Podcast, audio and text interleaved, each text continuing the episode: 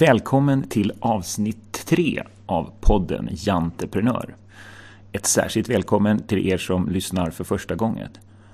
Och är lika särskilt välkommen till er som kommer tillbaka efter att ha lyssnat på den första intervjun. Janteprenör drivs helt ideellt av mig, Magnus McAldener, och har som mål att upptäcka människorna bakom kända och okända svenska varumärken. Den här gången får vi träffa Niklas Axelsson, VD på Bioteria. Bioteria är ett företag som levererar produkter som hanterar fett i köksmiljö genom att använda bakterier som käkar upp fettet, till skillnad från konventionella produkter som bara avskiljer och lagrar fettet. Bioterianerna, som de heter de som jobbar på Bioteria, de för en kamp mot fettet i samhället och Niklas, han förutspår en biorevolution. Niklas historia som bio-VD den börjar när han som 16-åring åker till USA för att bli hockeyproffs, men kommer hem med en examen i biologi som blir avgörande för bildandet av Bioteria. Niklas är också nominerad till Årets VD som avgörs den 31 oktober i Stockholm.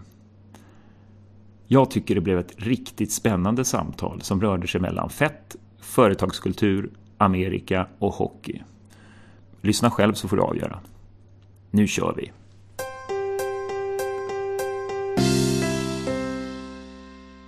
Ni jobbar ju med bakterier. Bakterier är ju liksom lite skrämmande och farligt för normala människor. Det är något man blir sjuk av. Vad, vad är din relation till bakterier? Hur skulle du beskriva det? Jag börjar ju känna mig på något sätt som äh, bakteriernas äh, mänskliga general så att säga. För, för det är ju en, en, en grov missuppfattning att, äh, att bakterier är farligt. Utan det, det är ju snarare tvärtom att utan bakterier så, så överlever inte varken sig människor eller den här planeten. Och, och um, jag har många tokiga idéer på hur man skulle kunna uh, återinföra bakteriernas um, heder um, i, i, samhället. Men, men en av de sakerna är att vi, att vi jobbar med, med bioteknik för industriella applikationer. Mm.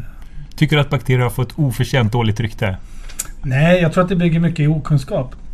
Jag brukar säga det till, till en del som som frågar och så här, på 1800-talet så handlade det väldigt mycket om att, att, hitta de här bakterierna. Det var ju först då man liksom lyckas ha mikroskop som man kunde se dem. Och under 1900-talet så handlade allting om bakterierna. Döda de här bakterierna för naturligtvis orsakar en del bakterier ehm, en del hemska sjukdomar. Och på 2000-talet kanske det är dags att, att återinföra eh, bakterier i samhället och, och dra nytta av alla de fantastiska möjligheter som de för med sig. Mm. Allt ifrån vårt eget immunsystem till, till um, samhällens immunsystem. Eh, mm. Där, där bakterier kan göra jättemycket. Mm. Men å andra sidan vill jag kraftigt poängtera att bioterier är mycket, mycket mer än bara bakterier. Och um, även fast jag älskar bakterier djupt in i själen. det är få som säger så. så, så ja, precis. Det, och det kanske kan kännas konstigt. Men, men um, så eh, är det också viktigt att förstå att det vi jobbar med är helhetslösningar. Mm. Och att också mm, bakterier är inte lösningen på alla världens problem utan det krävs det krävs kunskap, kompetens, teknik, eh, systemtänk och, och lite mänsklig påknufferi för att få de här bakterierna att göra det man vill. Mm. Uh, och bioterier handlar mycket om att utnyttja bakteriers förmåga men baka in det i biotekniska applikationer. Mm. Uh, och bygga in det sen i, fastighet, i väggarna så att säga, i fastigheten för att, för att lösa olika problem. Berätta för de som lyssnar nu, vad, vad, vad är det för produkter ni eh, säljer? Om vi säger så här, vi kan backa tillbaks uppifrån. Så leder vi någon så här kamp emot fettets väg genom samhället. Mm. Fett kommer ju in i samhället och fett ska ut ur samhället. Och på väg ut ur samhället så, så ställer det till en massa problem. Um, I en livsmedelslokal så kommer fettet in via varuintaget och så ska vi laga mat av någon form och så ska vi servera maten eller paketera maten. Och, sen, och, det, vi vet är att väldigt lite fett hamnar i, i magen. Mm. Och, väldigt mycket fett hamnar i någon annanstans. Ja. En del av det här fettet går ner i, i avloppsledningsnätet. En del går upp i ventilationskanalen. En del går ut i, i, i soprummen. Eh, och på alla de här ställena så ställer fettet till med problem. Och de här problemen har vi naturligtvis vetat om. Men de eskalerar och blir större och vi löser, försöker lösa de problemen på samma sätt som vi gjort tidigare. Ett exempel, vi jobbar med fettaskiljare. Mm. Uh, fettaskiljare är ju en tank som samlar upp avloppsvattnet ifrån en restaurang. Och så ska den uh, låta fett flyta upp till ytan och rent vatten ska rinna vidare. Uh, det Patentet på fettaskiljaren togs 1884. Mm. När vi klev in på banan någonstans 1994 så såg fettaskillnaden exakt likadan ut. Ingenting hade hänt. Då åkte man och hämtade fettet med häst och vagn. Idag åker man hem till med, eh, hämtar det här fettet, eller den här fettkakan och, och slammet med ett, ett stort slamsugningsfordon. Um, vilket påfrestar naturligtvis miljön helt i onödan. Och, och också för med sig en massa kostnader för den här fastighetsägaren eller verksamhetsutövaren. Mm. Och det vi gör då är att vi utnyttjar bakteriers förmåga att bryta ner fett på plats och har byggt ett, ett biotekniskt system, ett biologiskt reningssteg för fettaskiljare. Som, som istället för att vi hämtar fettet med, med slamsugningsfordon så, så bryter vi ner platset, eller fettet på plats. Det blir inget kvar? Um, jo, naturligtvis så blir det massa restprodukter. Um, en del av de restprodukterna är um, är koldioxid och vatten som ja. är naturligtvis en, naturlig uh, ofarlig sak. Uh, det andra, alltså bryta ner fett i en lång molekyl som mm. ska brytas ner i, i korta molekyler. Mm. Och, och det, är en, det, är en, flerstegsprocess. Det är en metabolisk reaktionsväg ja. som, som kanske tar mer än en podcast att gå igenom. Men, men, men, i princip, en slutprodukten blir koldioxid, vatten och, och döda bakterier. Just det. På samma sätt som när vi lagrar fett på våra kroppar så vi är ute och springer så förbränner vi fett. Ja. Så förbränner fettaskiljaren fettet via sina... Eh. Så nu pratade du om en fettaskiljare. Det är en, det är en produkt, det är en mockapär man sätter, man drar ett rör in i änden och rör ut änden ungefär. Hur stor är de där? Ja, beroende på verksamhet. Men man, om man kan ta... Alla vet en, hur stor en förskola kan se ut. Så mm. En normal stor förskola har en fettaskiljare som är ungefär 3,60 lång. Eh, och ja. 15,50 diameter om den grävs ner i backen. Ja. Eh, och det är för att vi har valt på, på EU-nivå att jobba med gravimetrisk avskiljning av det här avloppsvattnet. Mm. Uh, och då måste fettaskiljaren uh, mm. ge tid. Gravimetriskt, det, det ska skikta sig? Det ska skikta sig. Ja, och då, den, den, den, processen tar tid. Mm. Och då måste det vara ganska lång, mm. lång tid som vattnet ja. måste vara i den här tanken. Det måste strömma lite lugnt och fint. stilla, ja, ja. precis. Och, och, um, och, det ska då separera fettet. Och, och, när det har väl separerat där så ställer det till med en massa problem för den här, den här verksamhetsutövaren. Det luktar illa, han ja. måste tömma fettaskiljaren och igensättningar. Och det där kan man lösa med hjälp av bioteknik. Hur stor är eran fettavskiljare eller fettkäkare eller fettförgörare eller vad det kan ja, kallas? alltså vi har ju det, det biologiska reningssystemet. Det, det kan man ju ha dels i fettaskiljan eh, på, på, befintliga fettaskiljan mm. som redan är nedgrävda eller står i källan. Eller så kan man ju, kan man ju köpa det som ett helt paket där vi har eh, konstruerat fettaskiljan för att anpassas för det biologiska reningssteget. Och vi jobbar efter samma standard så våra fettaskiljor är lika stora som, mm. som traditionella fettaskiljor. De mm. har samma avskiljningsgrad. Eh, hela tekniken bygger på att dagtid så är det en vanlig fettaskiljare. Ja. Och sen är det nattetid när det inte finns någon verksamhet och inget flöde. Det är då vår biologiska process är igång. Mm. Och det är då vi bryter ner fettet. Och sen är det lagom tid till att personalen kommer tillbaks. Då stängs den biologiska processen av och så blir det en vanlig fettaskiljare. Så vi förändrar inte spelreglerna på något sätt utan vi bara, vi bara utnyttjar de stilleståndstider som finns att bryta ner fettet egentligen. Och kunden är en restaurang som har en fettaskiljare som man kanske måste byta ut och så tittar man så här finns en fettaskiljare där jag slipper ringa efter någon som hämtar fettet. Är det ja. liksom säljpitchen? Ja, alltså det finns ju flera, flera ingångar, flera pitcher. Eh, dels kan det vara en befintlig fettaskiljare, en verksamhet som har problem med sin fettaskiljare. Där kan man ju ehm, eh, installera vårt biologiska reningssystem för att spara pengar och spara miljö och massa driftproblem. Eh, eller så är man på jakt efter en ny fettaskiljare och, och, och, då köper man hela paketet samtidigt. Så det, det funkar både i befintliga och i, ny, i nyproduktion. Mm. En dum fråga. Hur, hur, säger man åt alla de här miljontals bakterierna och, och ligga lite lågt på dagen och sen så jobba som attan på natten? Nej, utan det, det, det styrs av sig självt. Genom att vi ställer, alltså vi, Ehm, bakterierna mår inte speciellt bra i fettaskiljan om inte vi optimerar miljön i fettaskiljan, vilket vårt biologiska, vår teknik gör. Ehm, och så fort den stängs av, då, då, slut, då handlar det mer om överlevnad för bakterien än nedbrytning. Mm. Eh, det kommer ner ett, ett, eh, ett litet jobbigt vatten ifrån, eh, ifrån storköket som är fullt av kemikalier och mycket fett och sånt. Så det händer inte så mycket på dagtid utan det är på nattetid när, när det är dags så väcker vi dem med tekniken kan man säga. Sprutar man in grejer eller är det temperaturer? Eller?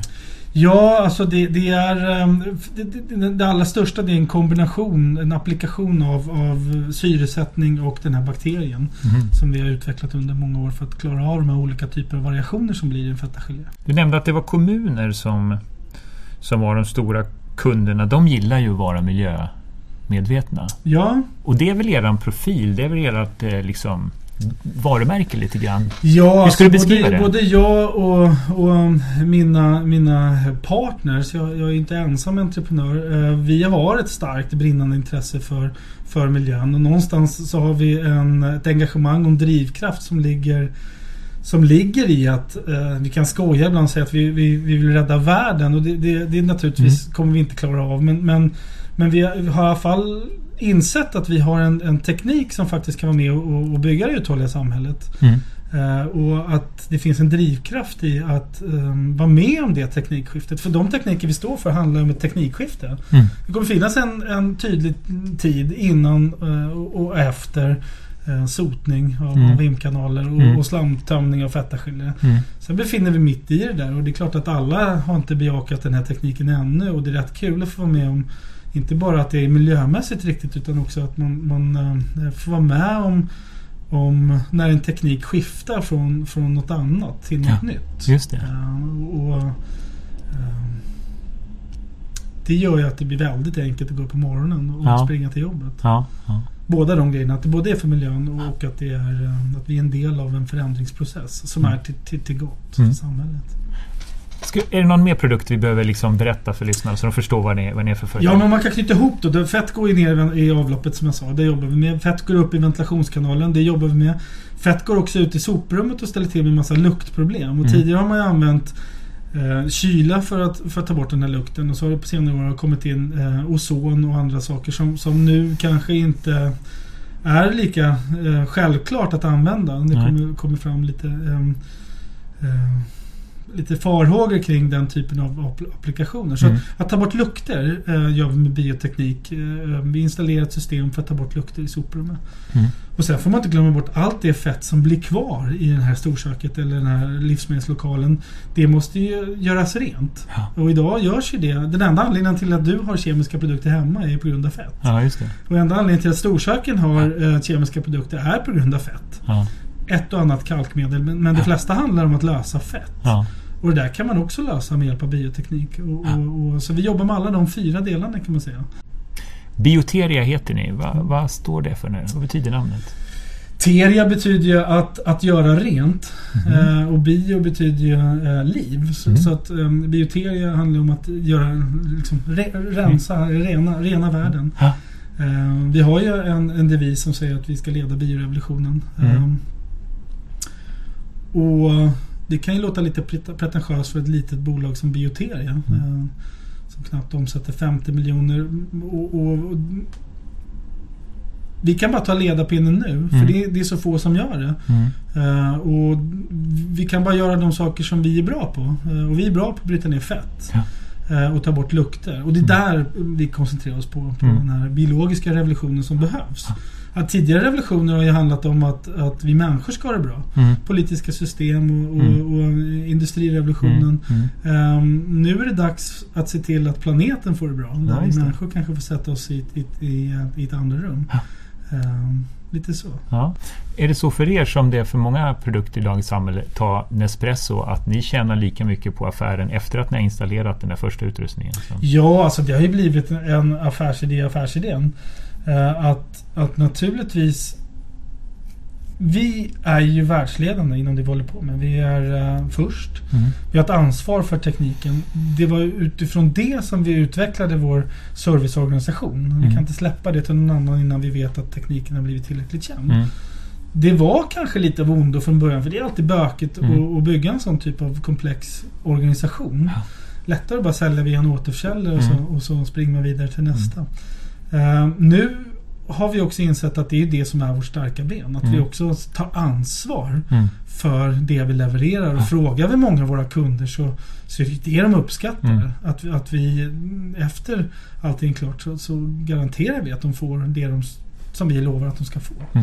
Ehm, ja, så absolut. Det tjänar vi pengar på och, och, det- och det är där vi ska tjäna pengar. Men jag kan tänka mig att ni får ju också en, en, direkt feedback från de som använder det som man inte får om man har ett återförsäljarled emellan sig kanske. Ja, och det är väl det som är kanske som jag kan tickla igång ordentligt på när det gäller vår unikitet. Att vi tar ansvar från projektering via tillverkning, installation och mm. drift och underhåll. Det är att vi har ju väldigt korta vägar ifrån verkligheten tillbaks till utveckling. Mm. Som ligger någonstans där mittemellan. Mm. Mm. Där, där de som servar anläggningen möter de som ska utveckla nya generationen av, av biologiska reningssystem eller fettaskiljare eller ventilationskanaler tre, fyra gånger i veckan i dörren. Eh, och där ja. informationsflödet ja. blir väldigt häftigt och spännande. Och ja. där det ibland går i ryslig fart. Eh, och jag vet att andra har tittat på, eh, på vår innovationsprocess och att vi har lyckats spotta ut extremt mycket innovationer eh, mm. de senaste åren. Och det har 100% att göra med att vi är ute och tittar på hur grejerna funkar. Mm. Det är, alltså, vi kan säga att hela företaget utvecklar. Ja. Um, för alla är delaktiga ja. i den processen. Och, och det gör ju att det går lite fortare. Så kunskap och, och, och, kundbehov beskriver du som viktiga liksom, förutsättningar för att driva innovation, låter det som? Ja, alltså jag har i alla fall den tron att, att det, är, det är ute hos kunden och kund, kundens behov mm. uh, som ska inte styra helt, men som i alla fall guidar åt vilket håll mm. um, produktutvecklingen ska ta vägen. Mm. Uh, Samtidigt som jag är allergisk mot allt för liksom, stora kundundersökningar. Ja, fråga vad kunderna vill ha. För ja, det. Just det.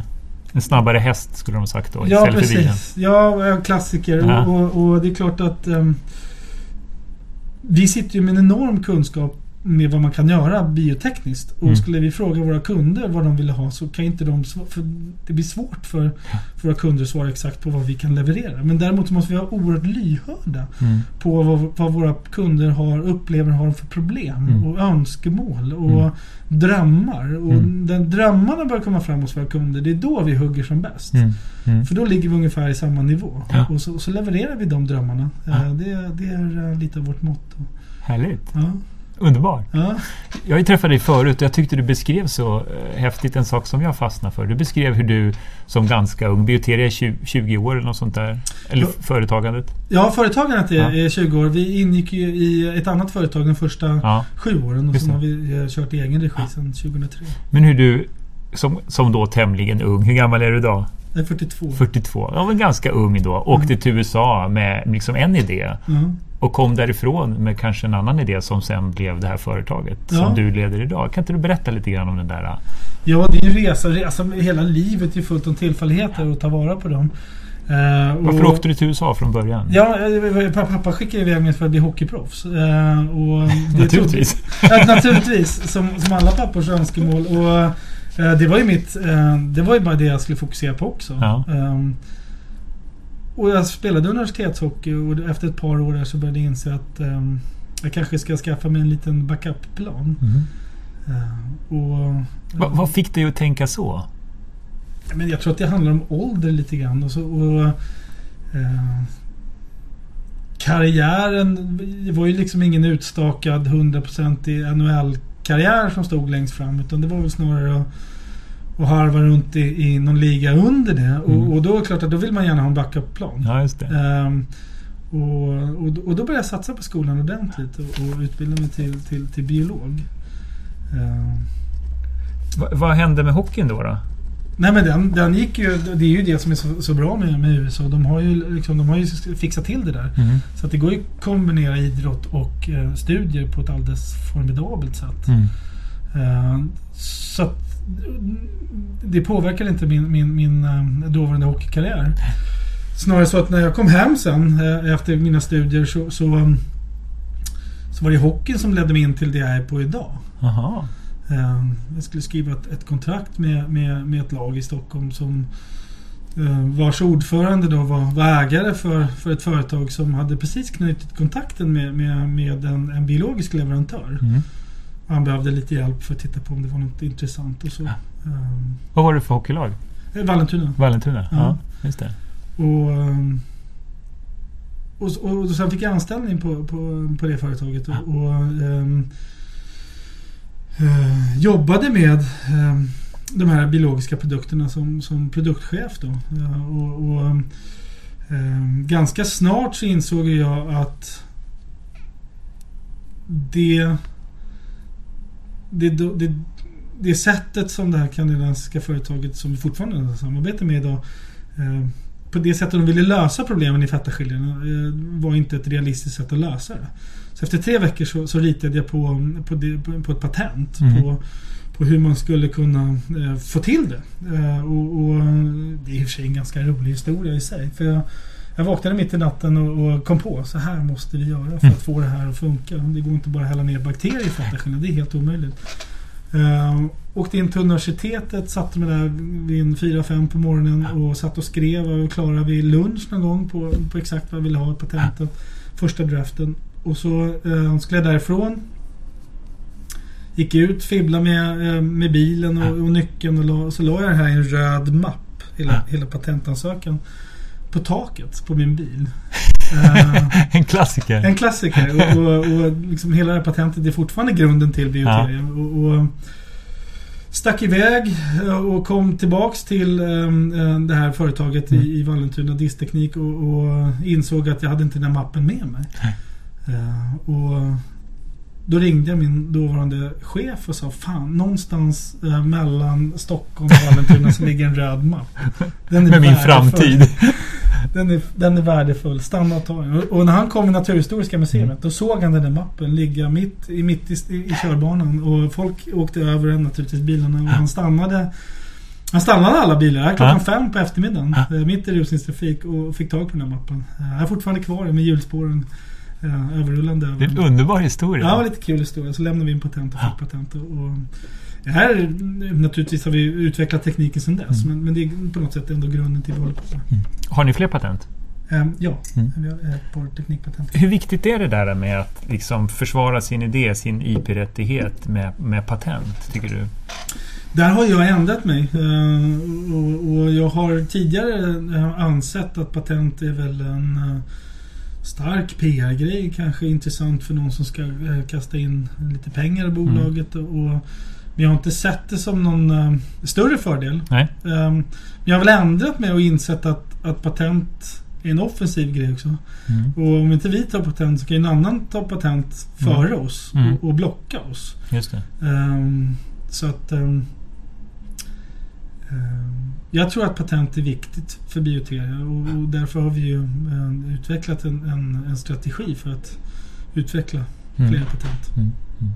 Men det du kom tillbaka med från USA, det var liksom en, en ganska eh, grundlig kunskap om biologi som du hade fått i din utbildning som du sen applicerade på den här ja, idén. Ja, precis. Exakt. Mm. Um, uh, och utnyttjade den kompetens jag hade fått inom mina studier då att att utveckla fram. Sen har jag i grunden alltid varit en innovatör. Jag mm. har alltid fnulat på lösningar på, på alla möjliga olika saker. Allt ifrån hur man ska rädda en puck eller ja. fånga en puck eller till... till um, du var målvakt? Jag var målvakt. Ja, jag tog en målvakt. Um, är inte det, är inte det en av de smartare spelarna i laget? Målvakt?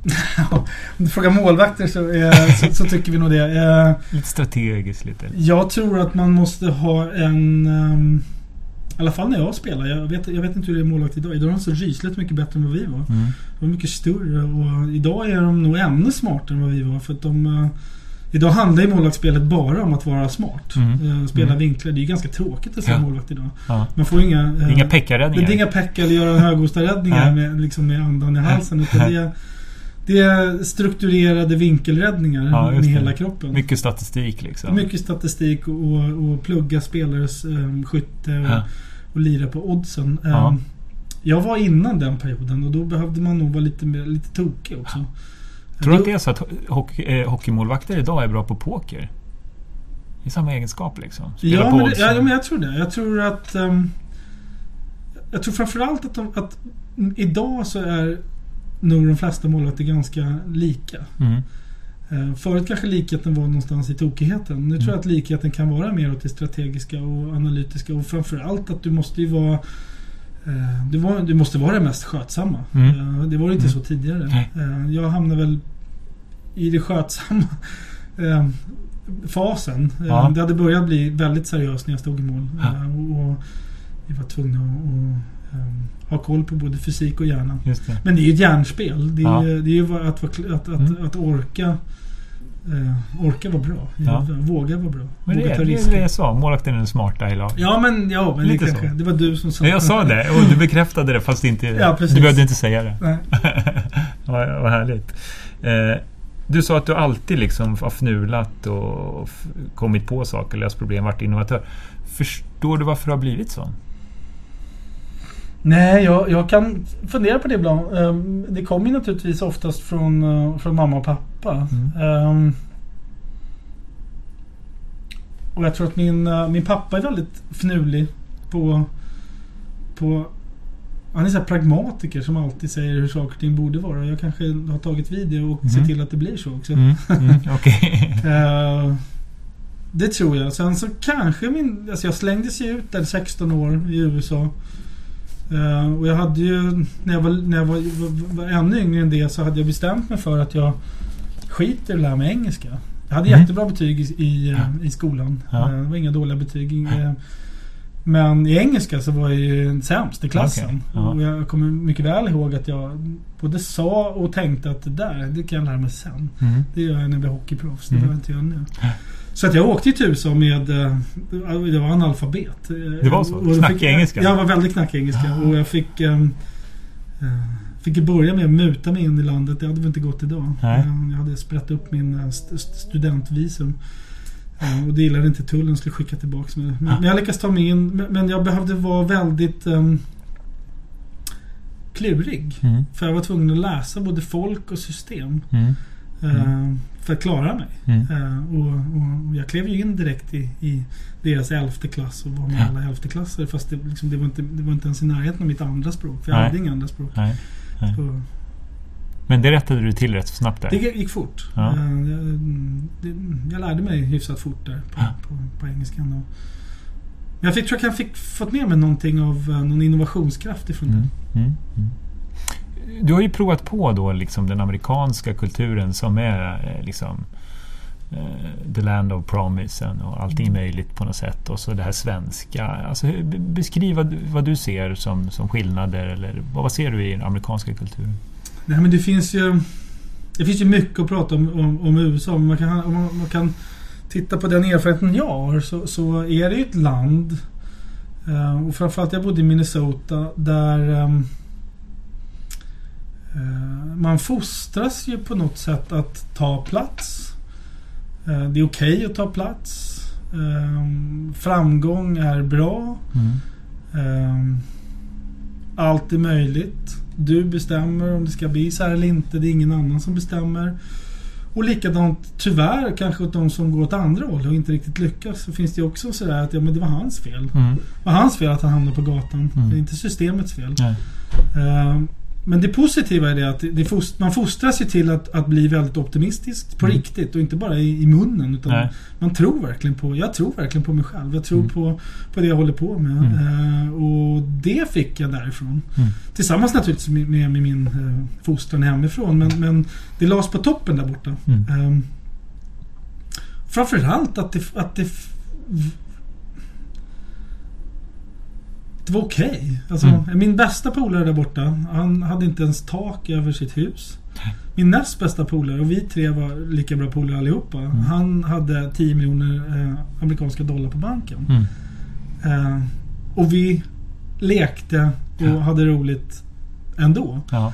Eh, och det fanns ingen avundsjuka från, från eh, han utan tak. Nej. Mot han som, som hade mer än bara ett tak. Han hade skyddsnät också. Det är okej på ett Ja. annat sätt. Ja. Är det inte så i Sverige tycker du?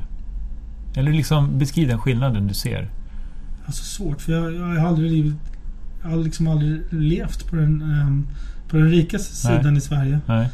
Ehm, Men det är klart att Svensken är ju em, mer mån om att vara precis som alla andra. Mm. Och jag har en känsla av att em, att det finns en... Eller det är en känsla, det är klart det är så. Det finns Mm. en, en annan ingrodd em, avundsjuka Mm. på framgång hos andra människor. Mm. Tack och lov har jag inte så många i min omgivning. Men jag kan, jag kan se att den finns där ute Mm. och jag kan höra eh, uttryck när man går runt. Det är bara liksom, om man är i Sandhamn, jag kommer från skärgården, så kan man ju gå runt och höra folk att så fort det ligger en stor båt där, då är det någon skattesmitare som har lyckats. Istället för att Just tänka det. att Ja. fan, det är ingen skattesmitare. Underbart. Här är en som kille som betalar mycket skatt. Ja, han betalar Ja. mycket skatt. För han har för Ja. mycket inkomst. Ja, han har jobbat jättebra. Han har lyckats. Kul för honom. Ja. Eh, Har, har du fått det själv liksom? För du, hur, mycket äger du av Bioteria? Jag äger 31 Ja, procent just och, och um, har um, mina andra partners med. Och där ska jag säga att vi har ett fantastiskt um, eh, ägarsamarbete. Mm. Och jag är inte um, den enda anledningen till Nej. framgång. Utan, utan det är fler. Och det är hela, hela bolaget i sig men också Mm. de ägare som jag har Mm. partner ihop med. Ehm, men det är klart att jag kan känna ibland ehm, att man eh, hamnar lite grann ehm, på, sniskan när det gäller vad som... För jag menar, vi har det ju bra. Jag har det Mm. jättebra. Har, vi Mm. har eh, så här långt lyckats jättebra med bolaget. Och, ehm, hittills till så har vi ju hela tiden investerat i, i produktutveckling och personal. Mm. Eh, och vi själva har inte plockat ut speciellt mycket. Men det är klart att jag känner ju att andra ser oss som ett framgångsrikt företag. Och då kan jag känna vissa, i vissa sammanhang en viss um, avundsjuka. Mm. Mm. Eller alltså, kanske inte en avundsjuka men mer icke um, ärlig um, förnöjdsamhet Nej. över att någon har lyckats. Nej, man gläds inte riktigt med Man det. gläds inte riktigt utan, utan, eh, utan man kan känna att, eh, att det finns en liten nagel där som, Ja, som gör ont. just det. Vi sitter här på ditt kontor eh, i Arninge, eller är det Arninge? vi är? Ja, Ja, ni. När jag kom upp i trappan där, då satt det massa små plaketter liksom på olika utmärkelser såg Ja. du. Så berätta, vad är det där? Nej men det, vi, alltså man, eh, vi försöker ju hitta naturligtvis Det är så tråkigt att bygga ett bolag och bara fokusera på omsättning. Mm. Ehm, även fast det är naturligtvis pengar vi lever på. Mm. Eh, så att vi försöker ju stimulera biotarianerna som vi kallar oss själva. Bioterianerna. Ja, det är underbart. Ehm, till, till olika saker. Så att vi, vi har ju lite olika utmärkelser. Bland annat har vi en som kallas för Qing-ligan. Ja. Eh, och i, i, USA är man ju då uppfostrad med en klocka när man ska ringa innan man har gjort en affär. Just det. Det är lite svårt att ha här på kontoret för vi är utspritt ifrån från Skellefteå i, i norr ner till, till Ars i Danmark. Ja. Ehm, så därför har jag utvecklat en, en, en, en Qing-mail. Så när man har sålt någonting så skickar man ett mail till organisationen Ja. med, ett, med ett Qing. Ja, okej. Det kallas för Qing-mail. Ja. Eh, och det där blir naturligtvis en tävling. Ja, ja. Och, och så den som, den som lyckas få mest Qing varje år får, får en utmärkelse. Vi kallar den för Qing-kingen. ja, just det. Naturligtvis. Det var en sån du såg. Ja. Och sen, sen är ju naturligtvis inte bara säljarna som premieras utan det är, det är våra eh, fantastiska eh, driftmänniskor. Eh, och det vi kallar för BM-tekniker. De, eh, där utmärker vi oss också en, en, eh, en någon av eh, BM-teknikerna som har gjort något särskilt eh, under året så får en utmärkelse för det. Det kallas för guld, Guldnyckeln. Ja. Eh, Är det viktigt att jobba med sånt där? Det är lite kulturbyggande tror jag Ja. det där är. Jo, jag, jag tror att, eller jag vet att, att ehm, kultur i ett bolag är eh, s- enligt mitt sätt att se på i princip den enda framgångsfaktorn som är intressant. Allt annat handlar, det handlar ju bara om att mata kulturen och, och bygga strukturer för kulturen så att den inte faller ihop. Mm. Men det är kulturen, det är där allting skapas. Det är Mm. där man skapar riktlinjer. Det är där man skapar ehm, Alltså man kan göra fina visioner och, och man kan göra fina affärsplaner och etiska regler och allt som ska följas. Men, men det är fortfarande i verkligheten, i kulturen där saker och ting sker. Det är ju Mm. människors beteenden. Mm. Ehm, och får man till en bra kultur så är det klart att den blir som en enda stor pil för organisationen. Mm. Det är mycket bättre än alla visioner och affärsidéer Mm. och, och, och, och eh, olika policydokument man kan Ja. skriva. Där man får människor att, att fatta mer rätt beslut när de står ensamma ute utan att behöva ringa någon. Utan Mm. bara känna att ja, men så här fattar vi beslut. Mm. Ehm, Så kultur brinner jag för väldigt Ja. mycket. Ehm, Det har inte varit något medvetet sådär. Utan det har ju varit, jag har varit väldigt analytisk under hela min hockeykarriär. Och jag har varit med om ehm, rätt mycket framgång. Mm. I princip alla lag jag har, har spelat i så har vi vunnit. Ja. Eh, och jag har alltid försökt analysera varför. Varför Mm. vann det här laget? Fan, vi Mm. var ju bättre förra året på pappret. Mm. Varför vann vi just i år? Eller tvärtom. Eh, och det är ju väldigt sällan när det är duktiga individer ombord som man säljer eller eh, Ja. vinner i hockeymatcher. Utan det är ju när du får ihop gruppdynamiken, Mm. kulturen. eh, du får någonting annat att fokusera på. Mm. Ehm, så det har väl kommit mer naturligt när vi har börjat bygga Bioteria. Mm. Att, att hitta en, en självkänsla i, i bolaget som, som gör att vi kan eh, fortsätta växa. Vi har ju vi har en fantastisk utmaning med Bioteria. Mm. Dels så ska vi ju bygga ett bolag. Eh, Bara det är en utmaning. Mm. Och sen så ska vi jobba med ett teknikskifte inom precis alla produktområden vi jobbar med. Ja. Då har vi inte tid att ha en grupp som har interna konflikter. Då har vi Nej. inte tid att, Nej. att fundera på vilka beslut vi ska fatta längst ut i fältet. Utan då måste det ske blixtsnabbt. Mm. Det måste ske med övertygelse eh, och utan tvekan. Mm. Och då är kulturen allt. Ja. Var, inte, var det inte Intels chef som sa “Culture eats strategy for breakfast”? Ja, jag har inte Det- hört det. den är ganska bra. Ja, den är väldigt bra. Men beskriv kulturen då, eh, Bioteria-kulturen. Ja. Kultur är ju för det första väldigt... När man ska sätta ner det till ord eller man ska försöka definiera det. Nu ska vi bara jobba med kulturen. Mm. Så, så jag tycka först att det kan bli lite känsligt. För den är ju... All kultur är ju förändlig. Mm. Eh, och, och den vill man ju inte... Man vill inte gå in och påverka det med ett, med ett knäppt konstverk mitt Nej. i allt. Eller börja analysera konstverket innan det är klart. Mm. Så jag vill vara försiktig med det där och Mm, mm. fundera lite grann på, på hur man ska beskriva sin kultur. Men att om man skulle hitta några tuvor att hoppa på Mm. Bioteria, så är det nog... ehm, vi försöker vara ett människovänligt företag. Mm. Ehm, jag tror... ehm, vi tror på, på människor. Ehm, hittar vi bra människor så bygger vi ett bra bolag. Mm. Det är så. Bra Mm. bolag byggs av bra människor. Mm. Ännu bättre bolag byggs av ännu bättre människor. Mm. Och i det så är människovänligheten någonting som jag har prioriterat. Och det är inte bara mot våra medarbetare utan jag har varit väldigt mån om att vi ska behandla våra leverantörer minst lika bra som våra kunder. Mm. Ska inte, som man ser idag, där stora företag eller bara små företag ehm, plågar sina leverantörer och underleverantörer så pass mycket att de knappt tjänar några pengar. Nej. Vilket gör att det blir ett väldigt ofruktsamt samarbete. Mm. Ehm, jag tror på att mina leverantörer ska förtjäna pengar. Ta inte chansen nu. Ehm, Alla leverantörer som lyssnar. vad är priset? Nej, men jag tror på att mina leverantörer ska förtjäna tjäna pengar. ja. Det är en sak. Jag tror på att våra kunder ska tjäna pengar med Mm. våra grejer. Vi kan inte ta allt. Vi kan Mm. inte ta hela kakan. Utan vi måste dela med oss. Mm. Är det en win-win-kultur alltså? Det är, är win, liksom- det är absolut. Och Alla ska vinna. Win, att jag skulle säga win-win-win. Precis. Det är vi, eh, våra kunder, våra leverantörer. Så kan man lägga på ett win till och så Mm. säger vi planeter på Planeter, toppen. ja. Så alla vinner, förutom det traditionella konventionella. ja. Och Eh, de skrattar ju åt. de skrattar. åt. Eh, Dinosaurierna liksom. Precis. Ja, ja. Ja. Ja, men, men, men kulturen ehm, är svår att beskriva. Men människovänligheten finns där. Ehm, vi är riskbenägna. Mm. Ehm, vi är utvecklingsbenägna. Mm. Vi har högt i tak. Mm. Ett väldigt starkt engagemang bland medarbetarna. Någonstans där är väl, är väl de beteenden som jag ser där ute som är mest s- som alla täcks in i.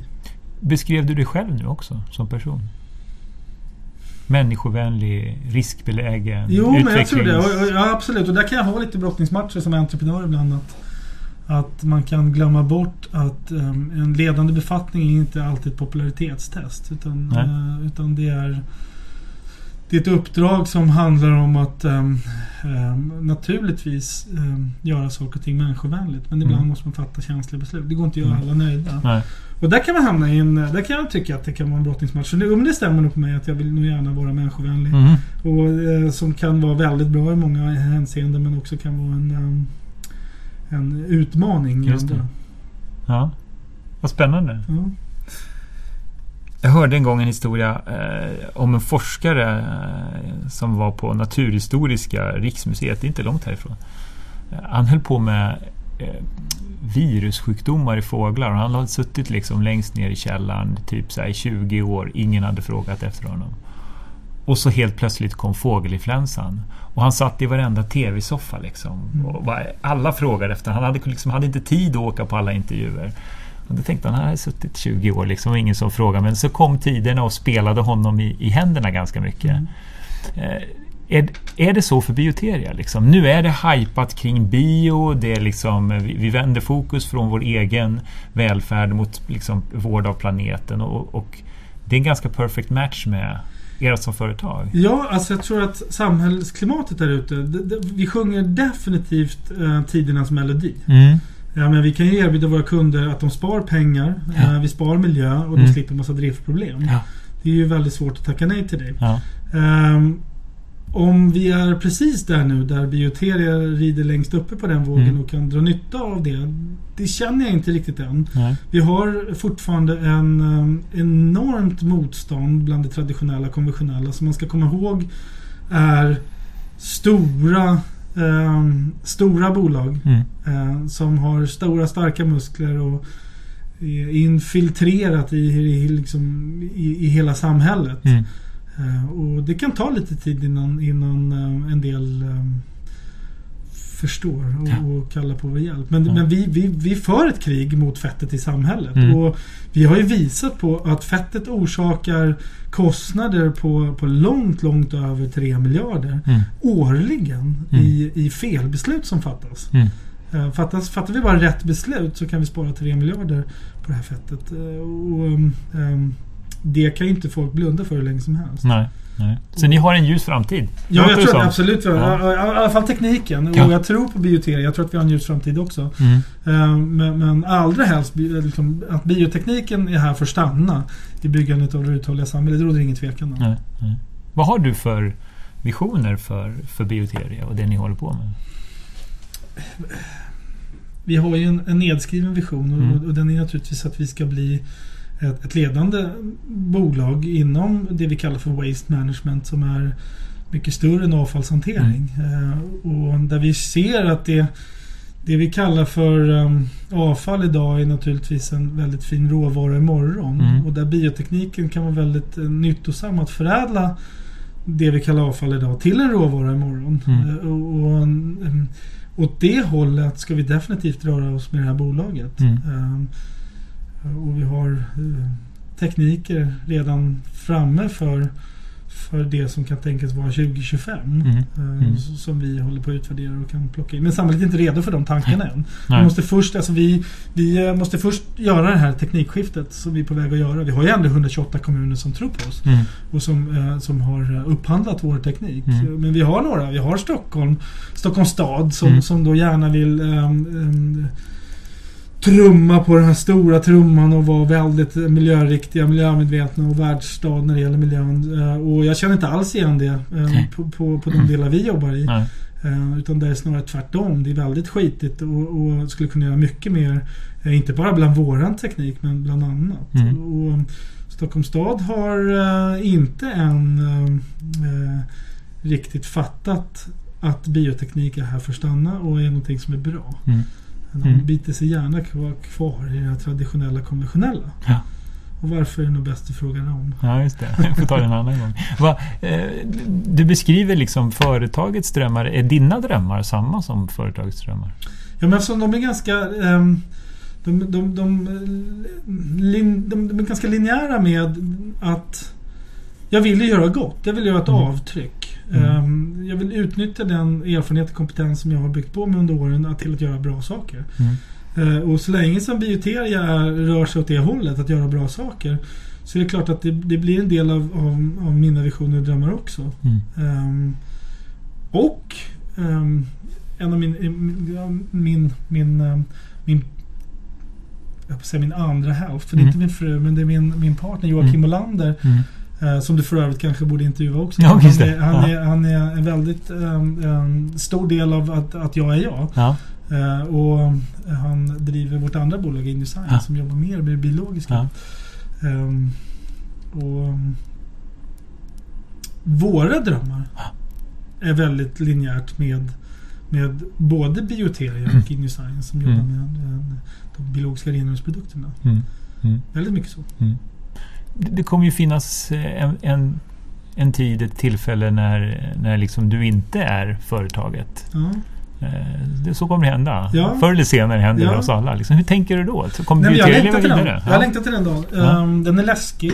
Um, vi har börjat röra oss åt det hållet. Mm. Jag förstår naturligtvis att om jag är företaget så stannar företaget upp. Mm. Och- för att det här företaget ehm, ska nå den framgången och, och tekniken ska få den, det genomslag den, den förtjänar. eh, så, behöver, ehm, så behöver bolaget vara mycket, mycket, mycket större än, än, än mig. Mm. Ehm, och ehm, vi börjar närma oss där. Ni är inte ett startup längre. vi är inte ett startup längre. Jag skulle påstå att vi har kommit in i det som kallas för fas 2 enligt mitt eh, Mm. sätt att se på det. Vi har kommit förbi överlevnad. Vi har kommit förbi de, den, den, de kraftigaste radikala innovationerna. Mm. Eh, nu eh, är det dags att ehm, skapa en struktur som stödjer vår kultur. Mm. Eh, och i den strukturen så, ehm, så behöver ledarskapet filtreras ner Mm. och ut på, på andra medarbetare. Mm. Och i takt med att det gör det så, så är det klart att då blir ju min roll mindre viktig för bolaget. Vilket också gör att Bioteria är större än, än vad jag någonsin kommer bli. Mm. Um, så det är viktigt att, att vi rör oss åt det hållet och jag är Mm. medveten om det och jag känner ingen det är klart att det är alltid kul att vara... Jag gillar att vara i centrum. Mm. Jag, jag, jag, Mm. älskar att stå på scen och, Mm. eh, och, och få uppmärksamhet. Men, men jag blir nästan ännu gladare när Bioteria får uppmärksamheten. Mm. Eh, Det gör mig fullständigt um, överlycklig. Mm. Eh, Så att jag tror inte jag har ett problem att, att, ehm, att låta bolaget få, få flyga iväg och så får jag hänga med en korg efter. Just det. Ja. Ja. Har, kan du känna en, en önskan att få starta om igen? Liksom? Något nytt där? äh? Jo, men jag är entreprenör Mm. i själen och det är klart att ehm, när vi kommer, vilket vi kommer närma oss en, en, ett par hundra miljoner i omsättning, Mm. då kanske det behövs en annan typ av ledarskap än vad jag kan erbjuda. Mm. Ehm, Det är jag heller inte främmande till för att, att se att när bolaget blir så stort så att man behöver ehm, en pappersvända VD så, Mm. så, så kliver jag gärna åt sidan. Mm. Och jag har ju massor med, med andra saker som, som, eh, som går exakt i parallellt med linje med Bioteria. Men där jag Mm. kanske kan tillföra saker i Bioteria som är, är um, eh, nyttigare än att jag sitter och vänder på ett papper och kollar på resultatbalansräkningar. För Mm. det är inte riktigt min grej. Mm. Det har jag duktiga medarbetare som gör. Mm. Mm. Min, min, min drivkraft ligger ju i att sprida, sprida visionen och sprida eh, budskapet och att jobba med, med innovationerna. Mm. Vi pratade ju om det här att, när vi pratade om kultur att, att kanske beskrev du både dig själv och, och företagets kultur när du beskrev det. Och det är klart att du som, som, som VD påverkar kulturen i företaget och hela företaget. Men hur har det, hur har det omvänt påverkat? Alltså, hur har du blivit annorlunda just för att du har varit med om den här resan? Vem hade du varit utan Bioteria tror du? Ja, jag kan faktiskt fundera på det ibland. Jag, fast jag inte kommer till, liksom, till något riktigt bra svar. Ehm, just nu är ju Bioteria, alltså var gränsen mellan Bioteria och Niklas går idag är tyvärr svår att dra. Mm. Ehm, så det är inte jättetydligt. Ehm, och um, i takt med min liksom, frigörelse och låta bolaget få flyga iväg så kommer det säkert bli lättare att se och svara på de frågorna. Mm. Ehm, Men det är klart att jag har ju tvingats att utvecklas som person. Jag har sporrats att utvecklas som entreprenör av, av, av Jocke. Mm. eh, som eh, hela tiden utmanar mitt sätt att tänka, mitt sätt att bete mig, mina, mina eh, visioner och, och ehm, vi har nog utvecklats ihop, jag och Mm. BT. Mm. Eh, och, och det är svårt att, att, att positionsbestämma Mm. sig själv eller företaget utan, Mm. Utan Mm. den andra. Mm. De hör ihop. Ja. Tycker du att du har gjort några liksom, misstag på den här resan? Oj, för fan. Jag gör misstag varje dag. Men att lite det- större grejer som du tänker så att det där... Nej, Nej, mitt största misstag som, som, som, som vi har gjort är att um, jag som 23-åring med en stark vision dansar in på Stockholm Vattens kontor uh, och uh, ska pitcha en idé hur man ska lösa fettproblemet mm. i Stockholms, mm. Stockholms stad. Uh, och att tro att att um, en 23-åring kan komma och ändra på en, ett, ett, traditionellt sätt att arbeta på så enkelt. Det var mitt största misstag. För det gick... Um, det blev lite... Det blev prestige. Ja. I allting. Så att jag tror att vi föll på prestige. Ja. Uh, för, för, det finns ingen rationell förklaring till varför Stockholms stad inte skulle använda vår teknik idag. Nej. Deras egna skolor använder vår teknik men, mm. men Stockholm Vatten har inte ännu um, fullt ut accepterat vår existens. Mm. Och det kommer då från att jag uh, i, i, min ungdomliga överoptimism klev in och och tyckte att eh, så här ska vi göra. Mm. Um, och annars är ni idioter? Annars är ni idioter. och, och jag, jag är ju en...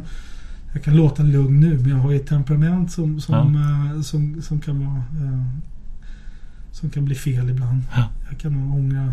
Uh, att, det, att det får komma fram så fort. Det är någon utveckling jag har gjort att ja, jag lyckas hålla, hålla igen lite mer. Får med, medarbetarna smaka på det temperamentet också? Nej, det får du nog fråga dem om. Men jag, jag Jag hoppas inte eh, att det blir någon nackdel i alla fall. Men det är klart att de känner ju att vi är... Um, vi har ett uppdrag på Bioteria mm. och, och jobbar man med Bioteria så, så har man också ett hand till det uppdraget. Och, och börjar man valsa runt uh, och inte uh, jobbar efter det uppdraget då, då är klart att då, då, då är det nog bra om man får, får hjälp att komma tillbaks. Mm. Mm. Just det. Så. Du nämnde ju när du åkte över till USA och, och spelade hockey så, så kom du på att ja, jag behöver nog en backup-plan och, och plugga. Liksom blev backup-planen som sen utvecklades till det här. Är, är det där ett tänk som, som du ofta har? Det här är en backup-plan. Är det ett entreprenörstänk? Jag tror att det ligger, hos de flesta entreprenörer så ligger det nog um, uh, i magen. Mm. Uh, man, man, skiter i backup-planer, ja. man kör. Mm. Uh, och, men man har också ett självförtroende att om jag skulle, om jag skulle springa ner för fel väg mm. Då sladdar vi bara runt och så drar vi ner nästa väg. Mm. Så att jag, nej, jag ligger inte och funderar på backup-planer. Uh, men, men jag kan ju, jag kan ju fundera strategiskt på, på uh, vägval. Ja. Det kan man göra. Ja. Vad man borde göra och vad som är strategiskt riktigt. Kommer ja. ett före två eller tvärtom. Och, och, och spela schack. Det ja. kan jag tycka är kul. Just det. Ja. Men nej, jag skulle nog påstå att de flesta kan nog tycka att, att jag kanske kan vara lite överdrivet riskbenägen ibland. Mm. Mm. Och borde skaffa oss lite backup-planer. ja. Kan du inte nämna några ord om liksom hur din, eh, din barndom var? För jag tror ju ändå att det är, det är en viktig del i att forma en människa och en entreprenör, därmed en entreprenör. Ja, jag, ehm, jag är... Egentligen är det väl konstigt att jag blivit entreprenör om man tittar på på en sån här gammal devis som äpplet faller inte långt från trädet. Mm. Ehm, jag, kom, jag är uppvuxen i en kraftigt socialdemokratisk familj. Mm. Med ehm, pappa fackordförande och mamma fackordförande i sina respektive eh, yrken. Båda militärer, mm. morsan civil, pappa yrkesmilitär. Eh, och alla jag känner i hela släkten är, är militärer. Mm. Um, utifrån det perspektivet så borde jag inte ha blivit entreprenör. För jag, jag, vi känner ingen eh, entreprenör eh, någonstans i släkten. Um, men um, om det är min egna personlighet eller inte eller någon så här fostran, det vet jag inte. Men, men lusten att vinna är mm. ju någonting som är um, ibland uh, för hög. Mm. Uh, eller skulle jag säga så här oviljan att förlora ja. uh, är så stark. Ja inom mig. Att, att det skapar en enorm drivkraft. Oavsett om, om jag ska spela hockey eller om jag ska driva ett företag. Ja. Um, eller, um, ja, så jättebra exempel på när jag var när jag var liten så var det en snögubbetävling um, i fyran. Då, eller gick i tvåan förresten. Det var, men det var ettan till fyran. Så, så var det en snögubbetävling uh, som, som hade utlysts av rektorn och alla fick göra varsin snögubbe. Och Dagen efter så skulle man kora en vinnare. Mm. Jag kommer ihåg att jag åkte hem till min mamma och sa att det var julpynt väldigt tidigt på morgonen. Ja.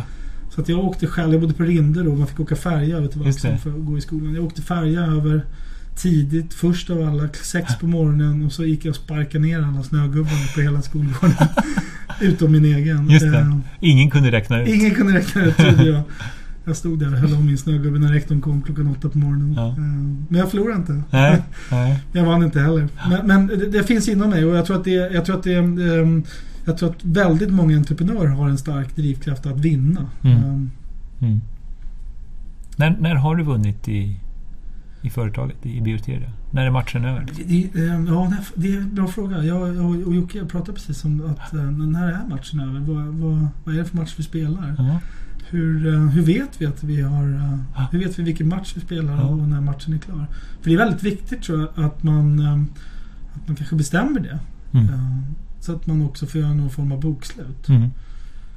Och jag har inga bra svar. Nej. Jag vet inte vilken match vi spelar eller när. Är vi nöjda när Stockholm säger ja eller är vi nöjda när, när England säger ja eller Ja. som nu vi är på väg in i Kina säger Ja. ja. Jag vet inte. Nej. Ehm, jag vet att vi drivs varken jag eller Jocke av någon, någon stark sån här um, tjäna miljarder pengar. Nej. Vår drivkraft är inte i pengar. Nej. Naturligtvis så, så finns det alltid en hägring där framme där pengar betyder någonting. Och vi gör det naturligtvis för pengar. Mm. Ehm, Men drivkraften är inte så stark riktad Nej. mot pengar. Det är ingen pengamål heller så jag ska ha Nej. 100 Nej. miljoner på banken. Nej. Nej. Vad skulle du vilja ge för råd för de som står liksom på tröskeln till att börja?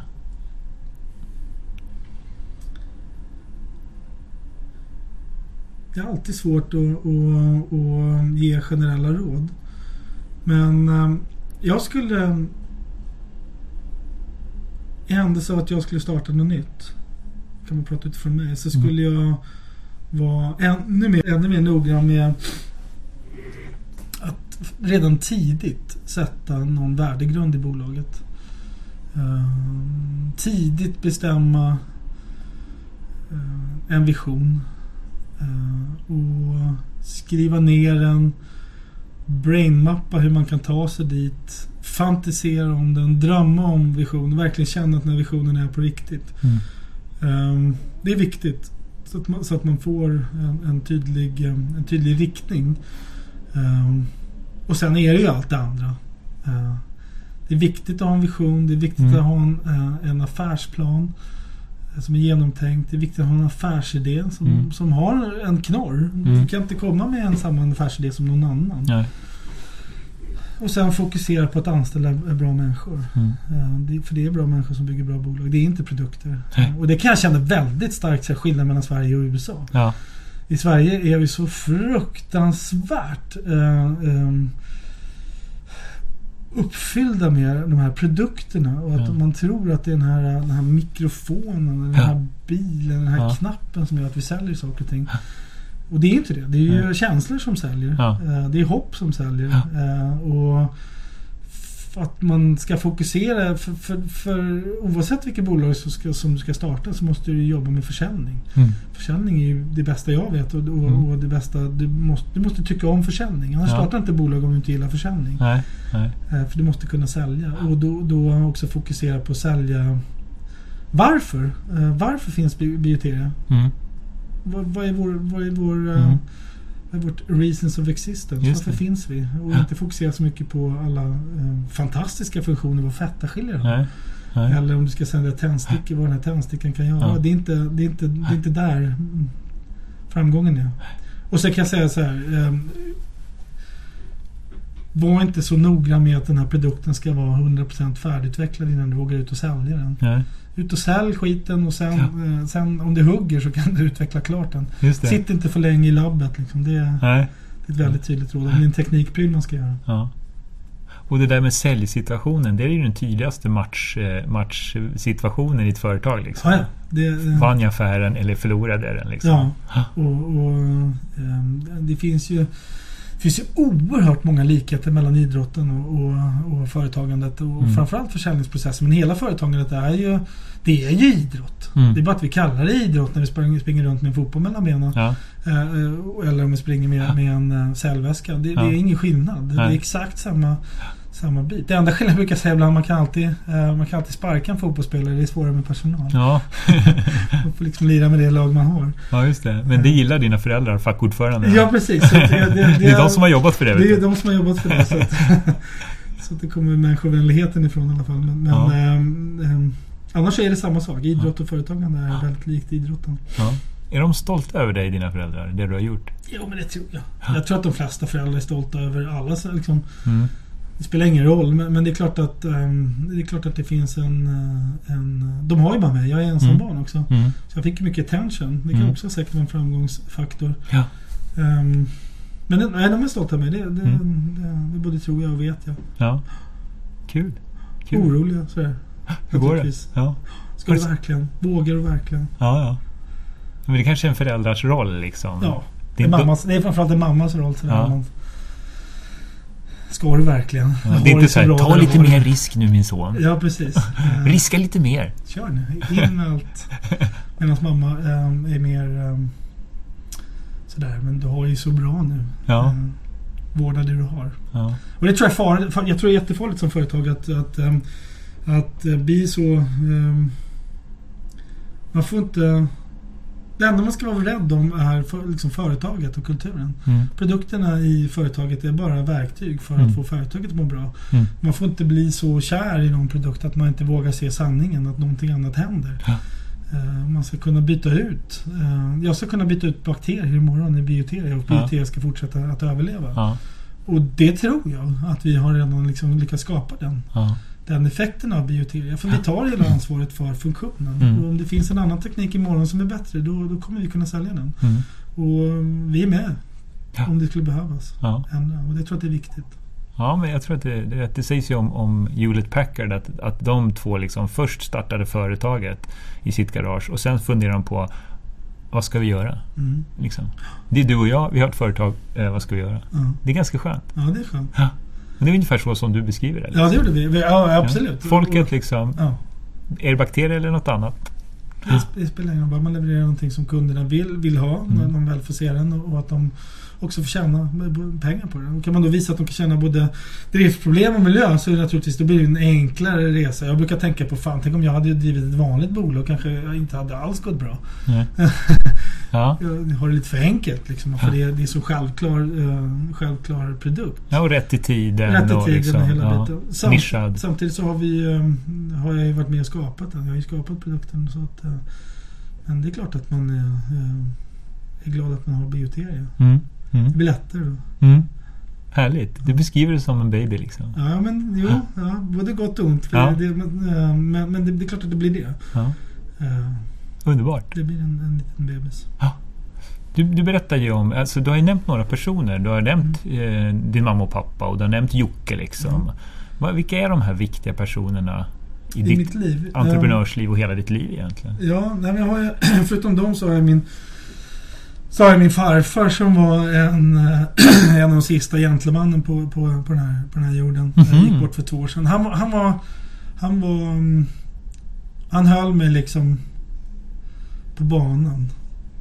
Han förstod. Jag behövde inte prata. Det var... Men han pratade väldigt mycket om etik och, och moral och han Ja. hade det i sig så jäkla djupt. Så det där, det där gjorde starka avtryck för mig. Ja. Vad man helt enkelt inte bör göra. Nej. Och det var så självklart. Även fast man skulle tjäna på att göra det så gör man inte. Nej. För det är inte schysst. Nej. Lite så. Det, Ja. det, det fick jag definitivt av farfar. Och också massa klurigheter. Han var en seglare så han, han eh, hade ju en enormt massa eh, små tricks och fix för sig hela tiden för att få, få skeppet att flyga ännu snabbare. Och, Ja. och tävlingsdjävulen satt väldigt hårt i honom också. Han tävlingsseglade. Ja, ja, det gjorde han alltid var han än var någonstans. Ja, okej. De flesta seglar kanske. Men, men, eh, men han, han tävlade i, eh, i andra. Både i, eh, i, i längdskidor in, inom militär och skytte. Och skytte var väl han bäst Mm. på. Men, men också väldigt eh, hatade förlora mer Ja. än någonting annat. Ja. Så han var en stark person. Sen har jag jag har en coach borta i, i USA som, eh, som betydde väldigt mycket för mig. Som, som gav mig små sådana här enkla ledord på vägen. Så små saker som att... eh, ja, bland annat att, att det är viktigt att, att, ehm, att man helt enkelt klär sig bra. Mm. Även när man spelar hockey. Mm. Han tvingade oss att, att klä, klä upp oss det snyggaste vi hade inför varenda match. Mm. Han sa i princip att Hey guys! If you dress good you feel good. You feel good you play good. You play good you win. It's Ja. simple as that. Eh, och och det, där, det där kan jag tänka på ibland. Att, att det handlar om i en försäljningsprocess eller i, inför någonting man gör så, så gäller det att um, må bra. Mm. För då blir allting bra Mm. eh, utåt. Mm. Och så, så sa han också en annan smart grej. Han sa att Don't wait for George to do it. Sa han hela tiden till, till hockeylaget. Ja. Eh, och vi hade vi hade ingen George i laget. Eh, utan det var bara mer liksom en, en antydan på att vi kan, man kan inte åka runt och vänta på att någon annan ska göra det. Utan Nej. Ut och gör skiten själv. Ja. Eh, se till att det blir gjort. Ja. Så det var bra. Uh, sen studsar vi på. Man är ju en produkt av alla människor man möter. Mm. Så är det ju. Ehm, och, och en del ger, um, är starkare avtryck. Jag fick säkert väldigt mycket från um, ägaren på Disteknik som fostrade mig under sju år med, Mm. med entreprenörskapet. Mm. Eh, um, har nog aldrig tackat honom men det är klart att där, där finns det väldigt mycket i eh, som, som blev liksom ner i, ner i arvsmassan på, Mm. på, um, um, på olika saker som Mm. är bra. Um, ja, men, Betyder du mycket för några personer? jag vet inte om jag gör det på riktigt men det är klart att jag kan ju känna att, att det finns um, en del i min omgivning som gärna kommer och söker stöd eller, eller, eller råd eller, eller, um, eller helt enkelt lägger sig rätt skönt i någon form av skottkärra som jag springer runt med. Mm. Mm. Ehm, av, av tilltro till att, att, ehm, att jag går åt rätt håll. Mm. Ja, men jag tror, jag, jag kan nog betyda en, en del, förutom mina barn naturligtvis, Mm. min fru. Men så, så, så finns det nog en del där ute som kan eh, känna att det är skönt, skönt att vara min närvaro. Och, Mm. och tvärtom, jag får ju en, en, naturligtvis energi från det. Mm. Mm. Mm. Tänker du in dina barn i, i det här någonstans? Tänker du att ah, de kanske ska vara vidare här? Nej, nej. Det här ska inte ärvas. Det, det, det, det ser jag inte. Um, Försöker du fostra dem till entreprenörer? ja, det gör man nog lite i smyg. Mm. Allra helst min dotter, hon har det i sig. Hur gör man då? Ja, man försöker ju bara förklara för dem att det handlar om att... Och, man försöker ge dem energi att, att Mm. våga ta för sig. Mm. Eh, Och, och för entreprenörskapet kanske lite tid i fostran. Men, men hela livet handlar om på något sätt om att sälja sig själv. Mm. Eh, Och att man inte ska... Det är ingen mening att ställa sig bredvid och ställa sig i kö eller ställa sig och titta på någon annan. Nej, Det finns ingen... Nej. Utan, utan eh, ska det hända så måste du ut och göra, det själv. just det. Och de kanske skrattar åt det nu för att du ställer fel fråga. Eller Ja. för att du äh, äh, ramlar eller gjorde Ja. fel. Men, Ja. men det, det kommer nog tillbaka sen. If it's to be, it's up to me. Precis. Är lite, du är lite amerikansk. Jo men det är det nog. Ja. Ja. Men det, och, och, ähm, såklart. Ja. Fostrad. Jag åkte över som 16-åring och kom hem som 24. Så att, Ja. så att, äh, och det är jag stolt över. Jag, jag Mm. kan liksom känna mig som en hybrid. Mm. Och haft möjligheten att se en annan typ av kultur som Mm. jag faktiskt också trivdes väldigt bra Ja. i. Just det. Fick blomma där på något sätt. Ja. Äh, och utan USA så hade jag inte varit där nere. Nej. hade man nog äh, varit äh, mattläggare eller Ja. fackordförande i, i matt, Mattläggarförbundet. Ja. Hockeytränare kanske. Hockeytränare, ja, hockeytränare hade jag faktiskt tyckte var rätt kul att bli också. Ja. Äh, man hinner inte med allt. Samma, eh, samma lite otrygghet kanske som att vara egenföretagare. Jo Liksom. men det tror jag. Det är nog inte... Det är nog fan inget lätt att vara, vara hockeytränare idag. Det kan gå fort. Ja. Och, äh, säkert väldigt kul när du vinner men, men snabbt att, bytas ut. Det är Mm. nog ännu jävligare än att vara VD. Ja, ja, det är det. Det kan gå över dagen. Det kan gå över dagen. Mm. Kul! Roligt att få prata med dig. Ja, jättekul att få Niklas. prata. Ja. Vi får, jag får önska lycka till och hoppas de goda bakterierna sprider sig över hela världen. Ja, det hoppas jag. Ja. För, för, inte för min skull så mycket som för, för världens skull. Ja, just det. Ja. Kul! Tack!